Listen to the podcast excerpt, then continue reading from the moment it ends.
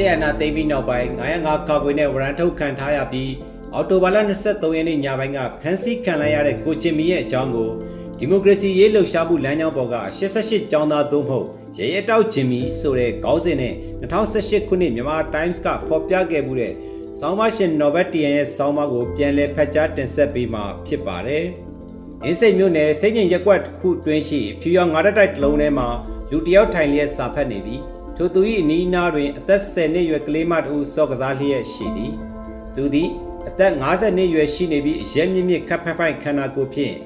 ဖြူရောင်ရှယ်အင်းကြီးကိုဝစ်ဆင်ထားကလက်ကိုအပေါ်သို့ခက်မြင့်မြင့်ခောက်တင်ထားသည်တိုက်အပေါ်ရက်တွင်မူဂီတာကီးဘုတ်စသည့်တူရီယာပစ္စည်းများကိုသူ့နေရာနှင့်သူထားပြီးစာအုပ်စင်ပေါ်ရက်တွင်ကခွတ်တောင်းနောက်ကံဖြင့်မိသားစုဓာတ်ပုံကိုထောင်ထားသည်မိသားစုဓာတ်ပုံအနည်းတွင်ဒေါအောင်ဆန်းစုကြည်ငယ်စဉ်ဘဝကပုံကိုထောင်ထားသည်ကိုလည်းတွေ့ရသေးသည် ထို့သူက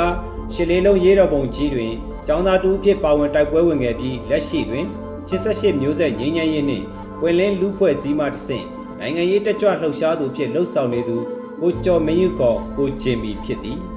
ရှစ်လေးလုံးရေးတော်ပုံကြီးသည်ယခုလ10ရက်တွင်နှစ်ပေါင်း30ပြည့်ပြီဖြစ်တော်လဲရေးတော်ပုံတွင်ပါဝင်ခဲ့စဉ်ကအဖြစ်ပြက်များကိုနေ့တစ်နေ့ကကဲသို့ပင်ခံစားရဆဲလို့ကိုဂျင်မီကပြောသည် ရဲရဲတောက်ဂျင်မီကိုညီပြောင်ပေးရသည့်အထိစွာသောထက်သောတတိရှိသောကျောင်းသားကောင်းဆောင်တူဖြစ်သည့်ရှစ်လေးလုံးရေးတော်ပုံကြီးမတိုင်မီတွင်ပုံမှန်တက္ကသိုလ်ကျောင်းသားတစ်ယောက်အဖြစ်ဘဝကိုဖျက်တမ်းခဲ့ပြီးပျော်ပျော်နေကဗရုတ်ကြတတ်သောကြောင့်ဆီယာမာများချေရသောကျောင်းသားစုတူဖြစ်စည်ရင်ဝင်ခဲ့ဘူးသည်ထို့နောက်နိုင်ငံရေးနှင့်ပတ်သက်သည့်ခန်းစားချက်များစတင်ပြောင်းလဲလာခဲ့ပြီးပညာရေးစနစ်ပေါ်မကျင်တဲ့ချက်များမကြာခဏဖြစ်ပေါ်လာခဲ့ကပညာရေးပေါ်စိတ်ဝင်စားမှုနှဲပါလာခဲ့သည်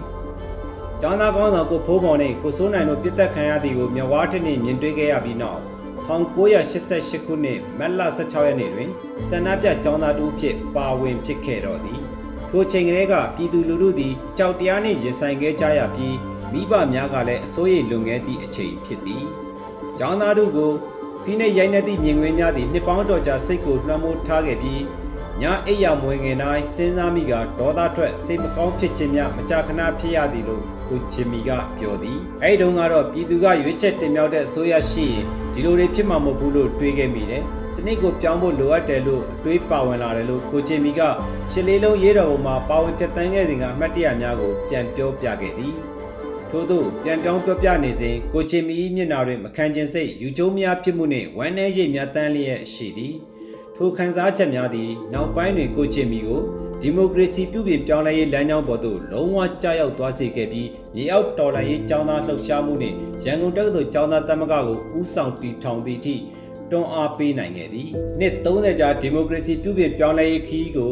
စင်စက်မပြတ်လိုက်ပါနေခဲ့တဲ့ညတရចောင်းသားတယောက်ပေါ့အဲ့ဒီလိုဖြစ်ခဲ့တယ်လို့ကိုချင်မီကပြောရင်းပြောသည်ထို့သို့ပြောစဉ်တွင်မူကိုချင်မီမျက်နာပေါ်တွင် အားရကျင်တဲ့မှုများဖြင့်ပီတိဖြာလျက်ရှိသည်ကိုတွေ့ရသည်မကြာခဏထောင်ကျခံခဲ့ရတာကြောင့်ပြင်ပတွင်နေချိန်နေပြီးအလုံးလောက်ကမိသားစုကိုလည်းငွေကြေးထောက်ပံ့နိုင်ခဲ့ခြင်းမရှိခဲ့ပေမိဘများနှင့်မောင်နှမများ၏ဝိုင်းဝန်းထောက်ပံ့မှုကြောင့်သာယခုကဲ့သို့အေးဆေးသက်သာစွာနေရခြင်းဖြစ်ကြောင်းကိုကိုချင်မီကပြုံးလျက်ပြောသည်1988ကနေ2005ခုနှစ်ထိ16နှစ်ကြာထောင်ကျတယ်ပြီးတော့ပြန်လွတ်ပြီးအိမ်အောင်ကျတယ် သားသမီးမွေးပြီး၄လအကြာ2009ခုနှစ်မှာထောင်ထဲပြန်ဝင်သွားပြန်ရောအပြင်မှာတိတ်မနေရတော့စီးပွားရေးလည်းမလုပ်နိုင်ဘူးဟုကိုချင်မီကပြောသည်ကိုချင်မီအဖေဖြစ်သူသည်လည်း1962ခုနှစ်ကျောင်းသားဟောင်းတူဖြစ်ခဲ့ပြီးအကိုကြီးဖြစ်သူသည်လည်းနိုင်ငံရေးအကျဉ်းသားဖြစ်9နှစ်ကြာထောင်ထဲတွင်နေခဲ့ရသည်ရှလေးလုံးရေးတော်ပုံမတိုင်မီတွင်ဖခင်ဖြစ်သူက၎င်းကိုခေါ်ကာမိခွန်းနှစ်ခုမေးခဲ့ပြီးဖြေနိုင်မှာကနိုင်ငံရေးဆက်လုပ်ခွင့်ပေးမည်ဖြစ်ကပြပြဝဝထောက်ပံ့သွားမည်ဖြစ်ကြောင်းပြောခဲ့သည် ဦးနေဝင်းလက်ထက်မှာလောက်ရတာအရန်အယော်စားကြီးတယ်မိခွန်းနှစ်ခုဖြေနိုင်ရင်မင်းနိုင်ငံရေးလုပ်လို့ရမယ်လို့ပြောတယ်တခုကမင်းနိုင်ငံရေးလုပ်ရင်ဘဝပြတ်မယ်သေမယ်ဒါကိုမင်းရင်ဆိုင်နိုင်လားလို့မေးတယ်ဟုကိုချင်မီကပြောသည်ဟာဂီမေကွန်းကိုလုံနိုင်ကြောင်းဖြေချခဲ့သည့်နေ့မှစကနိုင်ငံရေးနယ်ပယ်ထဲသို့အပြည့်အဝဝင်ရောက်ဖြစ်ခဲ့သည်သို့သော ကိုချင်မီထောင်ကထွက်လာသည့်အခါတစ်ဖက်တလန်းကနိုင်ငံရေးလှုပ်ရင်းဖြင့်ဝင်ငွေရသည့်အလုပ်များရှိခဲ့သည်ကျွန်တော်စာရေးတယ်စာရေးဆရာကြီးတွေကိုမရှင်းနိုင်ပေမဲ့မိတ်ဆွေတွေကအခြေချင်းအားပေးကြလို့အတော်ရောင်းရတယ်စာပေဟောပြောပွဲနဲ့အမှုပညာအကြံပေးအလုပ်တွေပင်နိုင်ဆောင်းပါးရေးတာတွေကလည်းဝင်ငွေရတယ်ဟု၎င်းကပြောသည်တစ်နှစ်မှာအနည်းဆုံးစာပေဟောပြောပွဲပေါင်း30မှ80တိလိုက်ပါရဘူးပြီး IFA တွင်လည်းပင်နိုင်ဆောင်းပါးရှင်ဖြစ်၄နှစ်ဆက်တိုက်စာချုပ်ဖြစ်လှုပ်ဆောင်ခဲ့မှုသူဖြစ်သည်ထို့ပြင်ကိုဂျင်မီသည် ဂီတပညာတွင်လည်းမခေသူတူဖြစ်ခဲ့သည်ဂီတာကောင်းကောင်းတီးနိုင်ပြီးကီးဘုတ်ပတလာစသည့်ဒုတိယပစ္စည်းများကိုလည်းကောင်းစွာတီးခတ်နိုင်ကအဆိုပညာလည်းလေးလာလိုက်စားခဲ့သူတူဖြစ်သည်ထုတ်ထားတဲ့သချင်း၄၅ပုတ်ရှိတယ်ပန်းရဲ့လမ်းမှာလည်းရေးထားတာ2ပုတ်3ပုတ်ရှိတယ်ရေးထားတာ2ခွေစာလောက်ရှိတယ်အချင်းဘက်ကိုမလဲနိုင်သေးလို့ကိုကျင်မီကပြောသည်နိုင်ငံရေးသမားဖြစ်ဘဝကိုဖျက်ဆီးခဲ့ရတော့လေငယ်စဉ်ကတည်းကဖြစ်ချင်ခဲ့သောကိုပိုင်အိမ်မက်များရှိခဲ့ဘူးသူဖြစ်သည် ဇာတိပင်နီယာမျိုးတွင်နေထိုင်စဉ်ကတည်းကစာအုပ်များကိုဖတ်ခဲ့ပြီးဟာရိုရောဘင်ရဲ့ Carpet Bagami ရဲ့စာအုပ်ကဇက်ကောင်ဖြစ်သူကိုလူငယ်ပီပီသဘောကျခဲ့သည်ဆိုပါဇက်ကောင်သည်စာပိုင်းတွင်ခက်ခဲများစွာကိုရင်ဆိုင်တင်ယူရင်းနောက်ပိုင်းတွင်အမေရိကန်စီးပွားရေးလောကတွေကိုတိုးဝင်ကစီးပွားရေးသမားကြီးများလက်ဖြားခါခဲ့ရသူဖြစ်လာခဲ့သည်ဖြစ်ချင်ခဲ့တာကနှစ်ခုတည်းကတစ်ခုပဲစီးပွားရေးပညာရှင်ဖြစ်ရင်ဖြစ်မဖြစ်နိုင်ရင်အမှုပညာရှင်ဖြစ်ပေါ်ဒီလိုဖြစ်ချင်ခဲ့တယ်လို့ကိုချင်မီကသူ့ရဲ့ငယ်ဘဝအိမ်မက်ကိုပြောတယ် သို့တော့လက်ရှိခြေနေကိုလည်းအလွန်မေးချင်တဲ့ကြောင်းဖြတ်တန်းခဲ့ရသောဘဝချစ်အတွေ့အကြုံများသည့်တန်ဖိုးမဖြတ်နိုင်ကြောင်း၎င်းကပြောသည်ထောင်ကျနေစဉ်အတွင်းလေးလာတင်ယူမှုများစွာရရှိခဲ့ပြီးထောင်ထဲတွင်နေထိုင်စဉ်ဝန်ထမ်းများ၏ကူညီဖြင့်စာဖတ်ခြင်းရေဒီယိုနားထောင်ခြင်းများလုပ်ခွင့်ရခဲ့သည်လူပဲထောင်ကျခံမယ်အုံနောက်တော့ထောင်ကျမခံဘူးဟုထောင်ကျနေစဉ်အတွင်းသူ၏ခံယူချက်ကိုကိုချင်မီကပြောသည် ထို့ပြင်ဟန်တာဝရီဦးဝင်းတင်ထံမှလည်းဂျာနယ်လစ်စင်နှင့်သက်ဆိုင်သည့်ပညာရည်များကိုအနီးကပ်စီးပူးနိုင်ခဲ့သည်ထို့ပြင်ဦးမျိုးမြင့်ငင်း၏အကူအညီဖြင့်အင်္ဂလိပ်ပြည်တန်စာအုပ်လက်ဆောင်ရခဲ့ကထောင်တွင်း၌အစအဆုံးအလွတ်ကျက်ခဲ့သေးသည်ထိုချက်သည်နောက်တစ်ချိန်တွင်ဘာသာပြန်စာရေးဆရာဖြစ်ရက်တီရဲ့အထောက်ပံ့ကောင်းဖြစ်ခဲ့သည်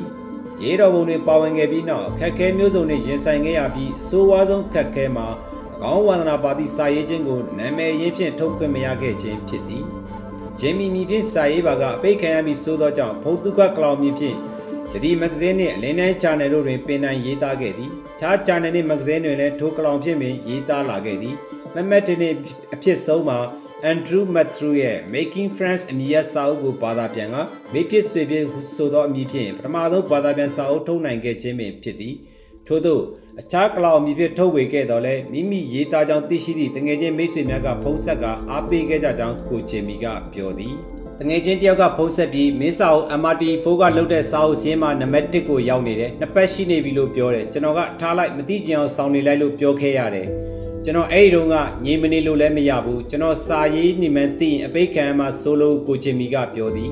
ဆိုပါစာအုပ်ကို2009ခုနှစ်မေလတွင်ပထမကြိမ်ထုတ်ဝေခဲ့ပြီး2016ခုနှစ်တွင် ဒုတိယကြိမ်ထုတ်ဝေခဲ့သည်ဒုတိယကြိမ်တွင်မူဒီမိုကရေစီဆိုရဖြစ်ပြောင်းလဲသွားခဲ့ပြီဖြစ်သောကြောင့်ဘာသာပြန်ရေးသားသူနေရာတွင်ညီရင်ဂျင်မီကိုဖော်ပြနိုင်ခဲ့သည်သို့တော့ကိုဂျင်မီအတွက်အရှုံးတွေကအမျက်ထွက်သည်ဟုဆိုရမည့်အချက်ကမျိုးသမီးဖြစ်သူနှင့်ဖူးစာဆုံခဲ့ရခြင်းဖြစ်သည်မျိုးသမီးဖြစ်သူမက်နီလာသိမ်းမှာကိုဂျင်မီတက်အသက်3နှစ်ကျော်ငယ်ပြီး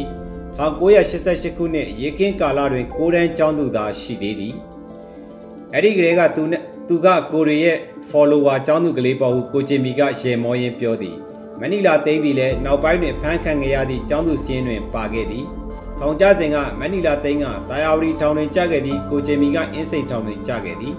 နောက်ပိုင်းတွင်ကိုဂျင်မီထောင်ပြောင်းရွှေ့ထားခဲ့ပြီးတာယာဝတီထောင်တွင်အကျဉ်းသားအဖြစ်ပြန်လည်ဆုံတွေ့ခဲ့ကြသည်။ကံကြမ္မာကဖန်တီးပေးလိုက်တာလည်းပါတယ်ကျွန်တော်ကလွတ်ဖို့6နှစ်လောက်ကြံသေးတယ်။သူကလွတ်ဖို့10လလောက်ပဲကြံတော့တယ်ဖြစ်ချင်တော့ ၄ရတစ်ငင်းဆောင်တစ်မိန်ထွက်လာပြီးတာယာဝတီထောင်ကအကျဉ်းသားတွေကိုလုံငင်းချမ်းသာခွင့်ပြုတယ်ဆိုတဲ့မိန်ထွက်လာပြီးကျွန်တော်တို့နှစ်ယောက်စလုံးဗျိုင်တူလွတ်ခဲ့တယ်အဲ့ဒါကဖူးစာဆုံးဖို့အကြောင်းရင်းဖြစ်ခဲ့တယ်ဟုကိုချင်မီကဆိုသည်